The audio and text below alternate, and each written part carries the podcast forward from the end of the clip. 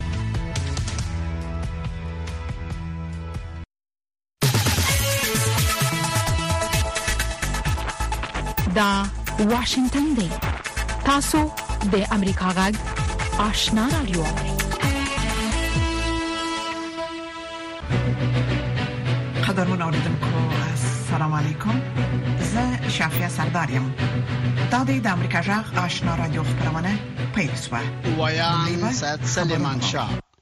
د طالبانو د حکومت د لوړ زده کړو وزارت د افغانستان خصوصي پوهنتونونو ته په یو رسمي لیک کې غوښتي دي چې د حنفي فقه خلاف کتابونه راټول کړي په دغه لیک کې چې د 1402 لمریز کال د لیندې په درشتمه صادر شوی راغلی چې د لوړو زده کړو وزارت د دعوت او ارشاد ریاست له لورې تاسې ته لارښوونه کېږي چې په ټولو خصوصي تحصیلي موسسو کې د حنفي فقه خلاف کتابونه، سیاسي او هغه کتابونه چې عقیدوي ستونزې رامنځته کوي له کتابتونونو نه لرې کړئ او د سیرت نبوي کتابونه پر ځای کېږدئ. د طالبانو د حکومت د بهرنیو چارو د وزارت د سرپرست امیر خان متقي په مشرۍ یو لوړپوړی پلاوی نن د شنبې په ورځ د مرغومي په دویمه په تهران کې د فلسطین په باب جوړ شوي مشورتي سیاسي کانفرنس کې ګډون کوي. دواړو د غزې په تړانګه د اسرایلو د ځواکونو بریدونه غندلي دي او د فلسطینیانو سره یې خپل ملاتړ څرګند کړی. د امریکا غږ واشنګټن نه د افغانستان سیمې او د نړۍ خبرونه اوري. ملګرو ملتونو پرون د جمعې په ورځ د مرغومې په لومړۍ د امنیت د شورا یوې پلان شوې رایچونې وړاندې خبرداری ورکړ چې د غزې په تړانګه کې د اسرائیل او حماس ترمن جګړه د غزې اوسیدونکي د قحطۍ په لوري بیایي. د امنیت شورا د جمعې په ورځ د غزې په اړه په دغه پریکړه لیک رای واچولې چې په کې غزې ته د مرستو د رسولو د زیاتولو غوښتنه شوې خو د اوربند یادونه په کې نه ده شوې. د مرستندویه ادارو کارکوونکو په غزه کې موجوده شرایط د اندېښنې وړ بللي دي. په عین وخت کې د اسوشیټډ پرس خبري اژانس د کارپوهانو له قوله پرون د جمعې په ورځ رپوټ ورکړ چې په غزه کې د اسراییلو د پوځ روان کمپاین د بشر د تاریخ تر ټولو تباه کوونکی کمپاین ګڼل کېږي. دوو میاشتو نه په لږه موده کې د دې تباه کوونکو تعرضي عملیاتو په دوران کې دومره زیاته تباهي په غزه کې رامنځته شوې چې د دوه زره دولسم او دوه زره شپاړسم میلادي کلونو په دوران کې په سوریه کې دغه هېواد په تاریخي ښار حلب کې هم نه وه رامنځته شوې د روسي ځواکونو له خوا د یوکراین د ماریپول د ښار له بمباریو او د دوهم نړیوال جنګ په دوران کې د جرمني له تباهۍ نه هم سیوا شوې. څومره ملکیان چې په غزه کې وژل شوي دي، د متحده ایالاتو په مشرۍ د نړیوال ائتلاف له خوا د داعش پر خلاف په عراق او سوریه کې د درې کلن کمپاین په جریان کې هم نه ومړه شوي. په داسې حال کې چې په غزه کې د وژل شوو کسانو شمېر شلو زرو ته رسیږي، نړیوالې ټولنې د اوربند غوښتنه کړې. له بلې خوا اژانس وايي، په داسې حال کې چې د بایډن ادارې په چوپه خوله اسراییل ته د وسلو په لېږلو پیل کړی، جمهور رئیس جو بایډن اعتراف وکړ چې اسراییل د نوموړي په وینا په غزه کې کرانه بمبارۍ له امله د خپلو عملیاتو لپاره نړیوال مشروعیت له لاسه ورکوي. یوکراین وايي چې د روسیې د اتیش فرونده بې پیلوټه ډرون الوتکو له جملې نه چې د پایتخت کیف په شمول یې دغه هېواد په مختلفو برخو باندې د جمعې په ورځ بریدونه وکړل څلېرویشت الوتکې راوغورځولې. له بلې خوا اروپايي اتحاد د پنجشنبې په ورځ اعلان وکړ چې د یوکراین د بودجې د ملاتړ په لړ کې هغه هېواد ته پیسې استولې دي. اروپايي اتحاد وايي چې یوکراین ته تر دې دمه یو اعشاریه پنځلس میلیارده یوروز چې یو اعشاریه شپږ میلیارده امریکايي ډالر کېږي، هره میاشت په روان میلادي کال کې استولي. سپینه ماڼۍ وايي چې جمهوررئیس بایډن به د روان میلادي کال په پای کې د کانګرس دواړو خونو ته د شخړو ډک نړیوال چاپېریال په اړه خپله وینا متمرکزه کړي. د جمعې په ورځ له افریقایي هېواد نیجر نه د فرانسې وروستي پوځي ځواکونه ووتل. فرانسې یوه لسیزه په لویدیځه افریقا کې د جهادي ډلو په خلاف د عملیاتو لپاره خپل پوځونه نیجر او شاوخوا نورو هېوادونو ته استولي وو، خو له نیجر نه د فرانسوي عسکرو د وتو سره سم په سلهاوو امریکایي عسکر او یو ګڼ شمېر ایټالوي او جرمني عسکر په هغه افریقایي هېواد کې پاتې دي. نیجر چې د فرانسې یوه پخوانۍ کالوني ده، دا وخت په کې د پوځي جنټا حکومت دی او د روان میلادي کال په جولای کې قدرت ته له رسېدو سمدستي وروسته د فرانسوي ځواکونو د انخلا غوښتنه کړې وه. د امریکا د اوکلاهوما په ایالت کې یو یو اویا کلن قیدي چې د قتل په تور نژدې پنځوس کاله مخکې په زندان کې اچول شوی و، بې ګناه ثابته کېدو وروسته د محکمې په حکم خوشې شو. د خبریالانو د خوندیتوب نړیوالې کمېټې د پنجشنبې په ورځ د لیندۍ په دېرش مه په یوه اعلامیه کې ویلي چې د اسراییلو او حماس تر منځ په روان جنګ کې د وژل شوو خبریالانو شمېر نوی ریکارډ جوړ کړ. تر دې دمه اته شپېته خبریالان وژل شوي دي. او د لوېدیځې غاړې عیسویانو په غزه کې د جنګ له امله له فلسطینیانو سره د خپلې همدردۍ او پیوستون په خاطر سږ کال د کرسمس یا د حضرت عیسی علیه السلام د زیږیدنې جشن د لمانځلو مراسم فسخ کړل. د خبرونو پای.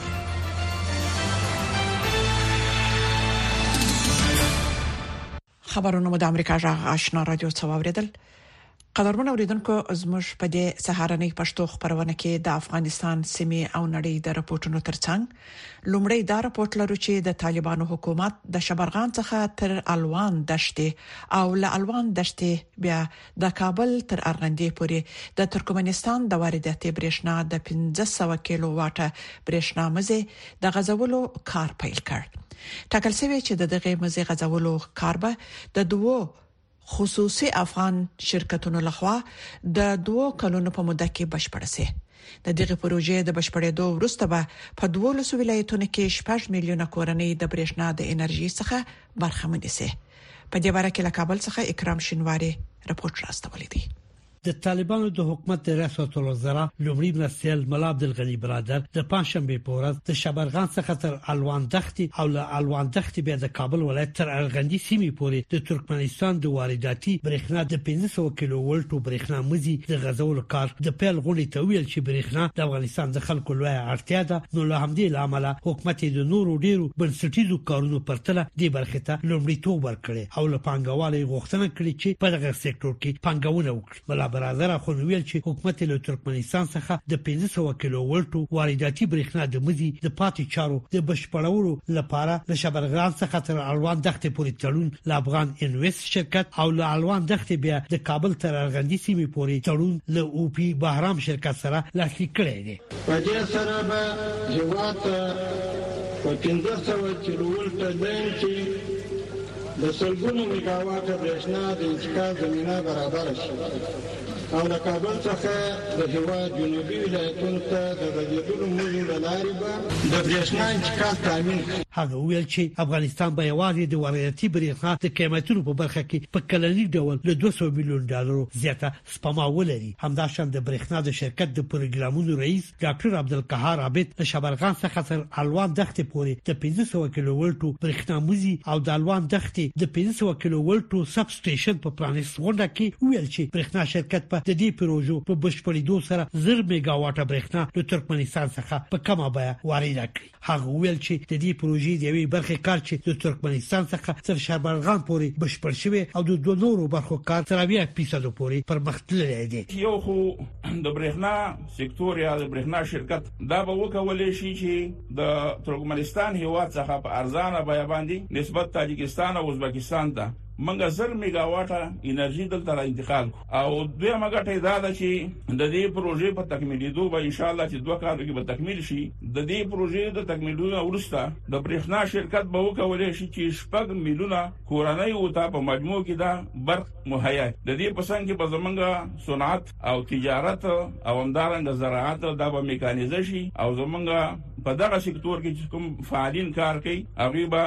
د برېښنا په واسطه باندې په خپل برخو کې پوره پرمختګونه وکړي بل دا چې د دې پروژې په تکمیل سره به ان شاء الله د برېښنا شرکت وکولای شي چې د افغانستان 12 ولایتونو ته بدري مسیرونو کې د برېښنا غټول مشکل حل کړي او کما کمبود د برېښنا چې په دغه ولایتونو کې محسوسي یا به د منځ لاړ شي د افغانستان د برښنا شرکت د معلوماتو لمخې د دغو دوه پروژو لګښت شاوخوا شپږ نیوي میلیونه ډالر دی چې ټاکل شوی تراتلونکو دوه کلونو به یې کار بشپړ شي دغه پروژه د اسیا پرمختیايي بانک تمویلوله چې 2020م کال د اگست په میاشت کې وخت طالبانو د رسیدو وروسته دغه بانک د پروژې د تمویل څخه لاس واخیست هغه مهال د دې پروژې نږدې شپږ اویا فیصد کارونه بشپړ شوي وو د اوبو او انرژۍ وزارت د معلوماتو لمخې له شبرغان څخه تر دشت الوان پورې د 1500 کیلو ولټه برېښنا د لیک د پروژې د پاتې چارو او همدارر له دشت الوان د کابل تر ارغندی پورې ټول لګښت د طالبانو د حکومت د بودیجې څخه ورکول کیږي اوس مهال افغانستان د خپل اړتیا وړ برېښنا 15 فیصد د خپل سلور ګاونډیو ازبکستان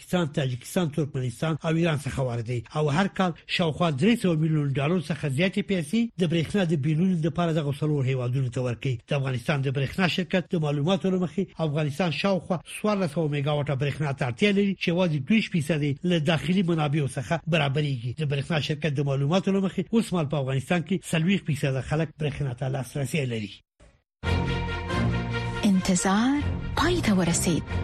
ترنو لیدونکو او اوریدونکو تاسو کولی شئ د امریکا غا ټلویزیونی او رادیوي خبرونه د یاسات ساتلایت له طریقو وګورئ او واورئ د نوي ساتلایت لارې تاسو د آشنا اتصال او کاروان ټلویزیونی خبرونه کتلای هم شئ د امریکا غږ د افغانستان څنګه خبرونه په 398 چنل او د آشنا رادیوي خبرونه په 390 چینل کې اوریدلای شئ لملتيامو د تل پشان مننه رپورټونه د امریکا جغ آشنا رادیو څوري د متحده ایالاتو د کانګرس غړي بیل دي چې د جمهوریت غشتونکو ګوند لغښتنې سره سم د امریکا سرحدي امنیت لپاره پیسې منزور کړي او په بدل کې د اوکرين لپاره نږدې 18 میلیارډ ډالر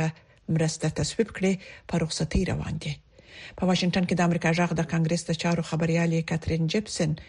د رپورت خلاصه سید سلیمان شاه تاسو ته دراوړوي متحده ایالاتو د 2022 میلادي کال په فروری کې پر یوکرين باندې د روسیې د نظامی ارغل نورستا هغه هوا ته 15 میلیارډ ډالر د پوزي او بشري مرستو په شکل لیږلي دي دا د جنگ په جبهاتو کې د یوکراني ټانکونو او د بمونو د چاودنو اوازونه دي د امریکا د کانګرس غړي لګیا دي د ملي امنیت لپاره د 114 میلیارډ ډالرو قانوني لایحه په منځورولو کار کوي د دغه پیسو نه 18 میلیارډ ډالر د اوکران لپاره په پام کې نیول شوې دي خو د کانګرس غړي بیل دی چې دغه لایحه تصویب کړي د بل کال تر پیړه پر وسختي روانيږي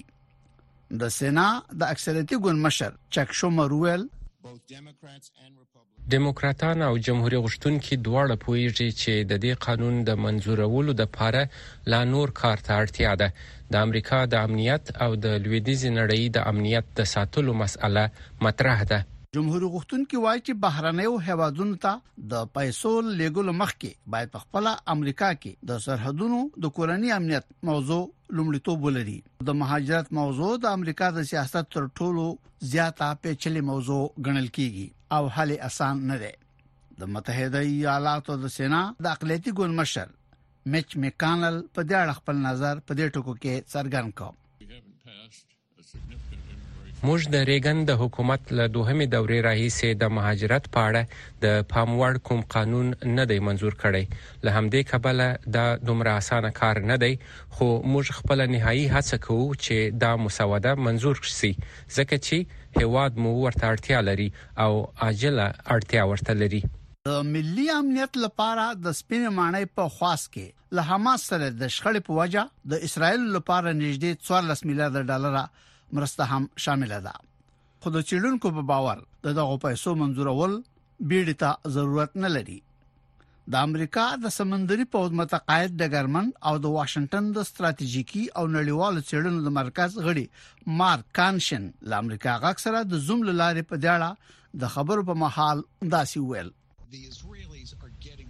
اسرائیل ته ټول هغه څه چې هغوی ورته د جګړې لپاره ضرورت لري رسیږي خو زیاتې پیسې له جنګ نه وروسته د اوږدمهالې بیا رغونې په خاطر ورکول کېږي. په اصل کې د دې مرستې ډېره لږه برخه د روانې شخړې پورې اړه لري. خو د کانکورډ پریس د رویټرز اژانس په حواله رپورټ ورکړی چې سپینې ماڼۍ کانګرس ته خبرداري ورکړې چې له یوکرين لپاره د پوځي مرستو منزورول ځکه حتمی دي چې د روان میلادي کال تر پایه پورې ورسره پیسې خلاصيږي څړونکو وای چې د دې مرستې نه منزورې دلبا فوري عواقب ولري د جورج واشنگټن په هنتون مرستيال پروفیسور او د امریکا د بهرنی چارو وزارت یو سابقه دار مامور کولن کلیری چې په یوکرين کې هم د خدمت دوره سرته رسولې وای چې متحده ایالات اصلا له یوکرين سره د پوزي مرستې په اړه ښه سنجش کړي کوم رسمنځور نشو او کوم بحران رامنځته شي نو پوزي بود به ولري او په دواړو ډایمنشنونو یا اړخونو کې باید دا خبره په پام کې ونیول شي چې استقامتي جګړې تل ډېر زیات مهماتو او اکمالات ته ضرورت لري جمهور رئیس اولودومایر زيلنسکي د سشنبه پر ورځ اعلان وکړ چې د متحده ایالاتو د کانګرس لخوا د دې مرستې د منځورولو په اړه اوس هم خوشبین دي او یوکرين لګیا دی په دې اړه کار کوي مطمئن دی چې متحده ایالات به ورسره جفا ونکړي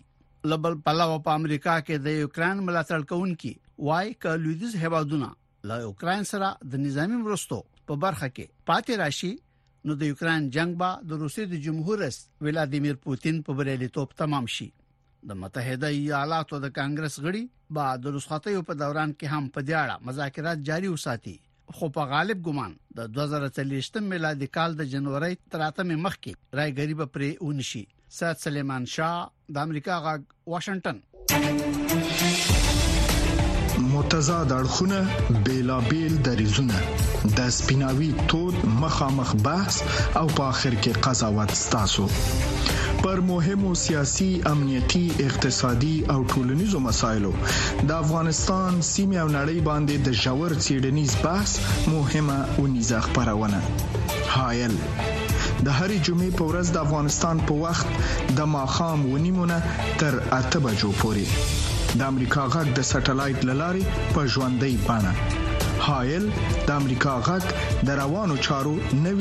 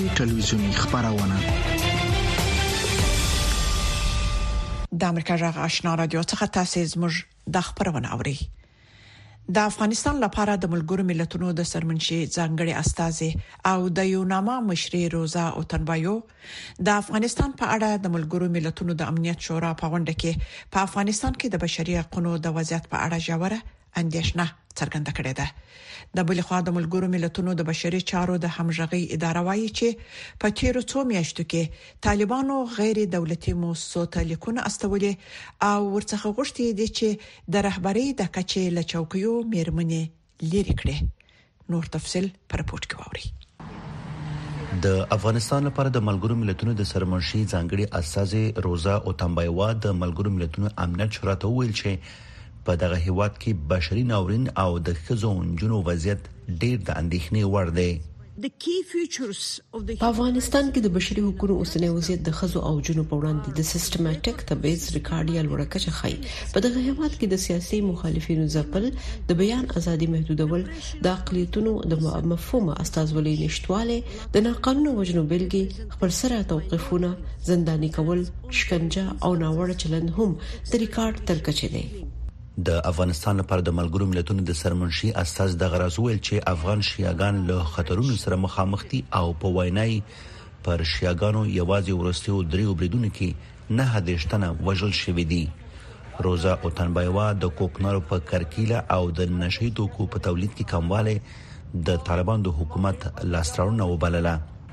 په ملګرو ملتونو کې د امریکا د استازي مرستیال رابرټ ووډ په دې غونډه کې ویل چې امریکا به تر هغه وخته له طالبان سره د اړیکو پر عادي کولو غور ونه کړي چې د د پوینا طالبان د افغانستان پر نړیوالو مکلفیتونو غور ونه کړي او افغان میرمنو او جنونو ته په واقعي معنی خوني او روزن ته بشپړ لاسرسي او کار او ټولنیز ژوند ته لاسرسي برابر نکړي په ټوله منه افغان شځې له ټولنې څخه حذف شوي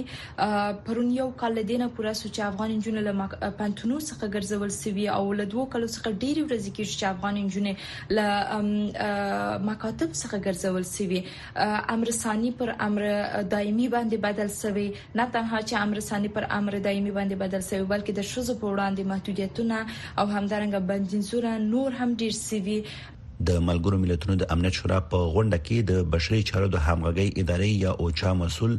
رمیش راجا سنگ د هغو فشارونو یادونه وکړه چې په وینای طالبان د کورنۍ او نړیوال مؤسسو پر خزینه همکارانو وځه کړې دي په تیرو څو میاشتو کې د طالبانو چارواکو غیر دولتي موسسو ته څو لیکونه لیږلي او لوغوي څخه غوښتي دي چې خزي د رهبرۍ د کچې له څوکۍ لري کړي هغه څوکۍ لکه د عمومي مسؤل، د ادارې د مرستیال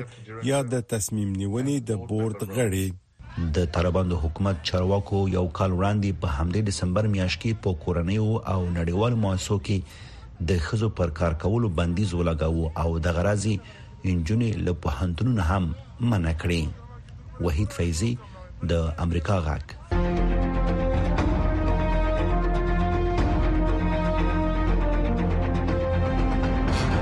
اتصال زموږ او ساسي پیوستون خبرونه چیرنی او خبرګونونه موثق معلومات او دقیق جزئیات کورنۍ نړیوالې او سیمېزي مسلې چې د عام خلکو پر ژوند غیز لري ساسي پښتنې د چارواکو ځوابونه او د پوهانو سپارښتنې له یک شنبه تر پنځ شنبه هر مخام په شپږ بجو او دیرشو دقیقو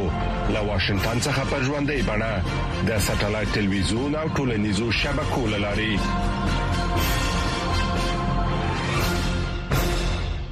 دا د امریکا جغ آشنا رادیو ده او تاسو زموږ د خبرونه اورئ د ملګرو ملتونو یو ویاند د دې میاشتې په پیل کې وویل، افغانستان په نړۍ کې د زیږون په وخت کې د مړینې له پلوه تر ټولو بد هیواد دی.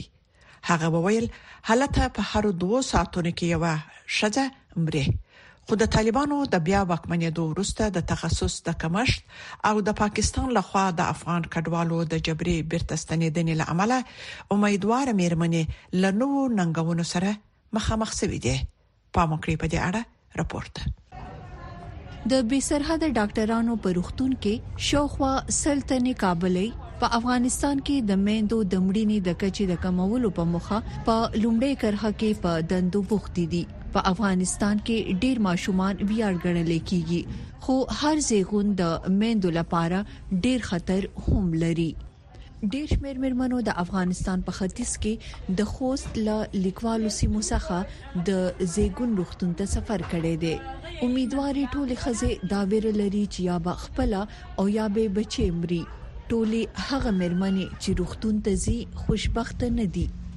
دا یو بچو درغه وای ونه وای چې بډره لره د روغتیا د نړیوال سازمان د تازه شمیرو لمخې له 2011 کال راهسې په افغانستان کې په هارو سل زرګونو خزو کې شپږ سبا اته دیرش خزیمري دا شمیره د کلیوالي او خاري سیمو ترمنځ بیا لا لوی توپیرونه لري لوی مشکل به دا وي چې ځینې وختونه موږ ناروغان تر لاسه کوو چې ډېر ناوخته راځي، بیا زموږ لپاره ډېر ناوخته کېږي چې د دوی ژوند وژغورو او که موږ د یو ناروغ ژوند د لاسه ورکړو نو دا واقعاً هغه څه دي چې په زړه کې پاتې کېږي او واقعاً دردونکي وي. د پاکستان له خوا د افغان کډوالو جبري اخراج د امیدواره افغان مېرمنو ستونزې نورې هم زیاتې کړې دي. او زه پاکستان کې وم کنه هغلته ما اووه ځلې د ټي معاینه کړې وه هلته بیا ماته وویل چې ستا چې دي درې ماشومان دي بیا هلته نه موږ شړلو موږ ما ویل چې دلته راشه نه وای نه وای زه به هلته هلته مې څلوېښت کاله تېر کړي ما ویل دلته زه راشه دا څنګه څنګه ځای نه وای نه ویل راکاته او زه بیماره یم د سړي سره مې پیسې نشته د طالبانو په واکمنۍ کې خزي لا عامه جون څخه بي برخه شوي او زده کړو ته لاسرسي محدود شوي او د خزينه طبي ډاکټرانو راتلونکي لګواخ سره مخ کړي دلته ډيري کورنۍ نارينه ډاکټرانو ته خزينه استوي خو دوی لپاره موږ داسې یو سیستم جوړ کړی چی د شریعت او دی سره څنګ کی د توبت څومره اصول دی هغه به ټول په دی کی مراعات کیږی. په افغانستان کې د يو ماشوم د زېږونې لګښت شاوخوا دوه زره افغانۍ دي، چې د ډېرو کورنیو لپاره ډېرې پیسې دي. د اټکل له مخې په سلو کې څلوېښت افغانۍ ښځې په کور کې زېږون کوي، خو په لرو پرتو سیمو کې دا شمېره تر اتیا سلنې پورې رسي.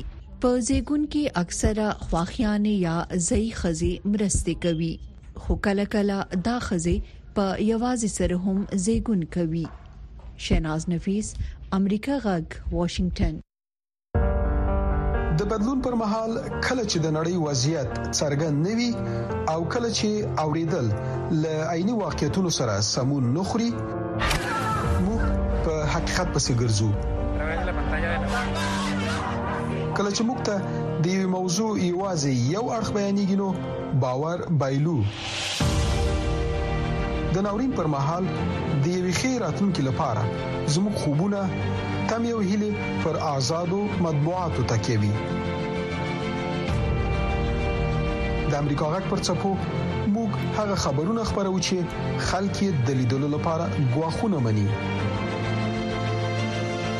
موږ نړۍ سره وسلو او د حقیقت په ویلو یو موټی کوو د امریکا غږ لاري موږ بشپړ انزور درکو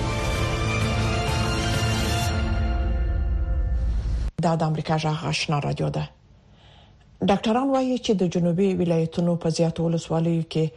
د پوره نه خوړو د ترلاسه کېدو ترڅنګ ماشومانو روغتیا ته پاملرنه هم نه کیږي او د ګوزڼ د ناروغي ترڅنګ د نورو ناروغیو په وړاندې د هغوی د بدن معافیت کمزوري کړی دی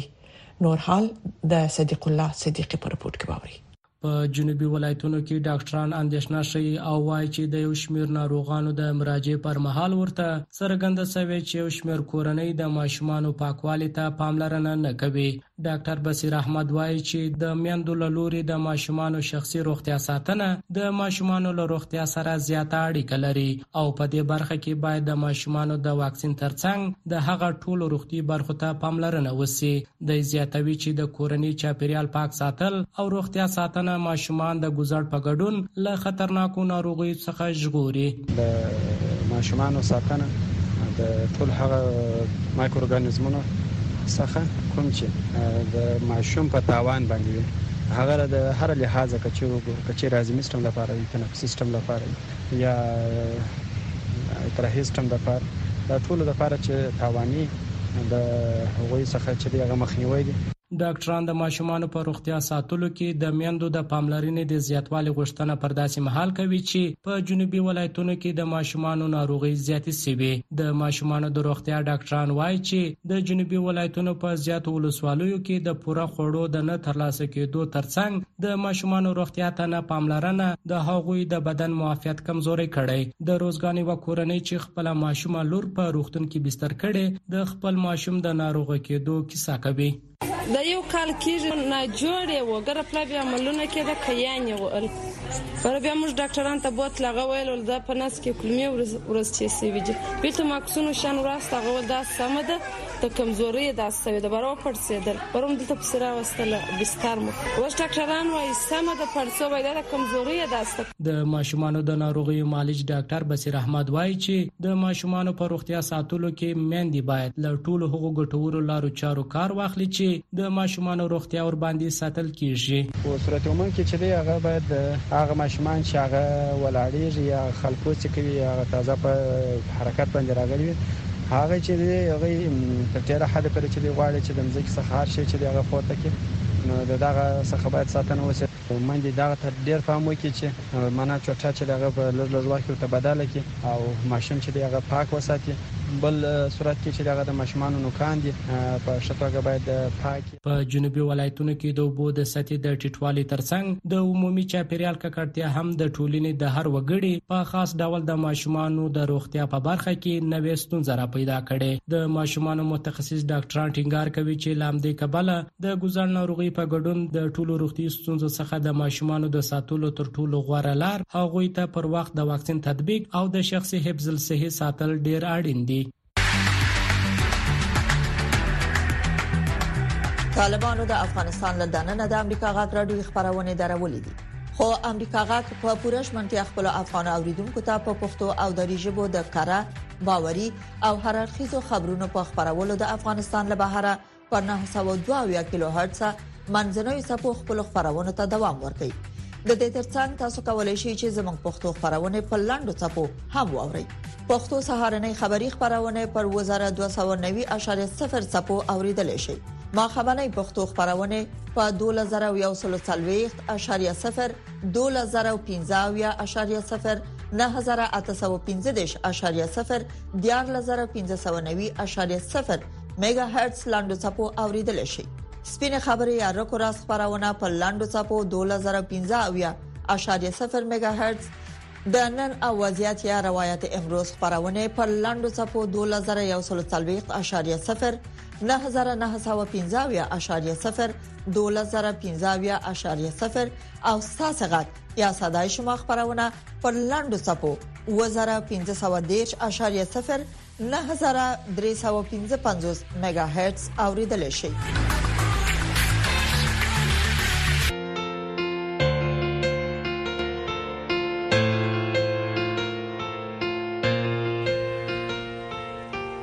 اوریدونکو زموږ د خبرونه په همدې ځای پای ته ورسیده د امریکا جغ آشنا را دوه خبرونه دوام لري ستاسو ټول څه مننه چې زموږ خبرونه اوري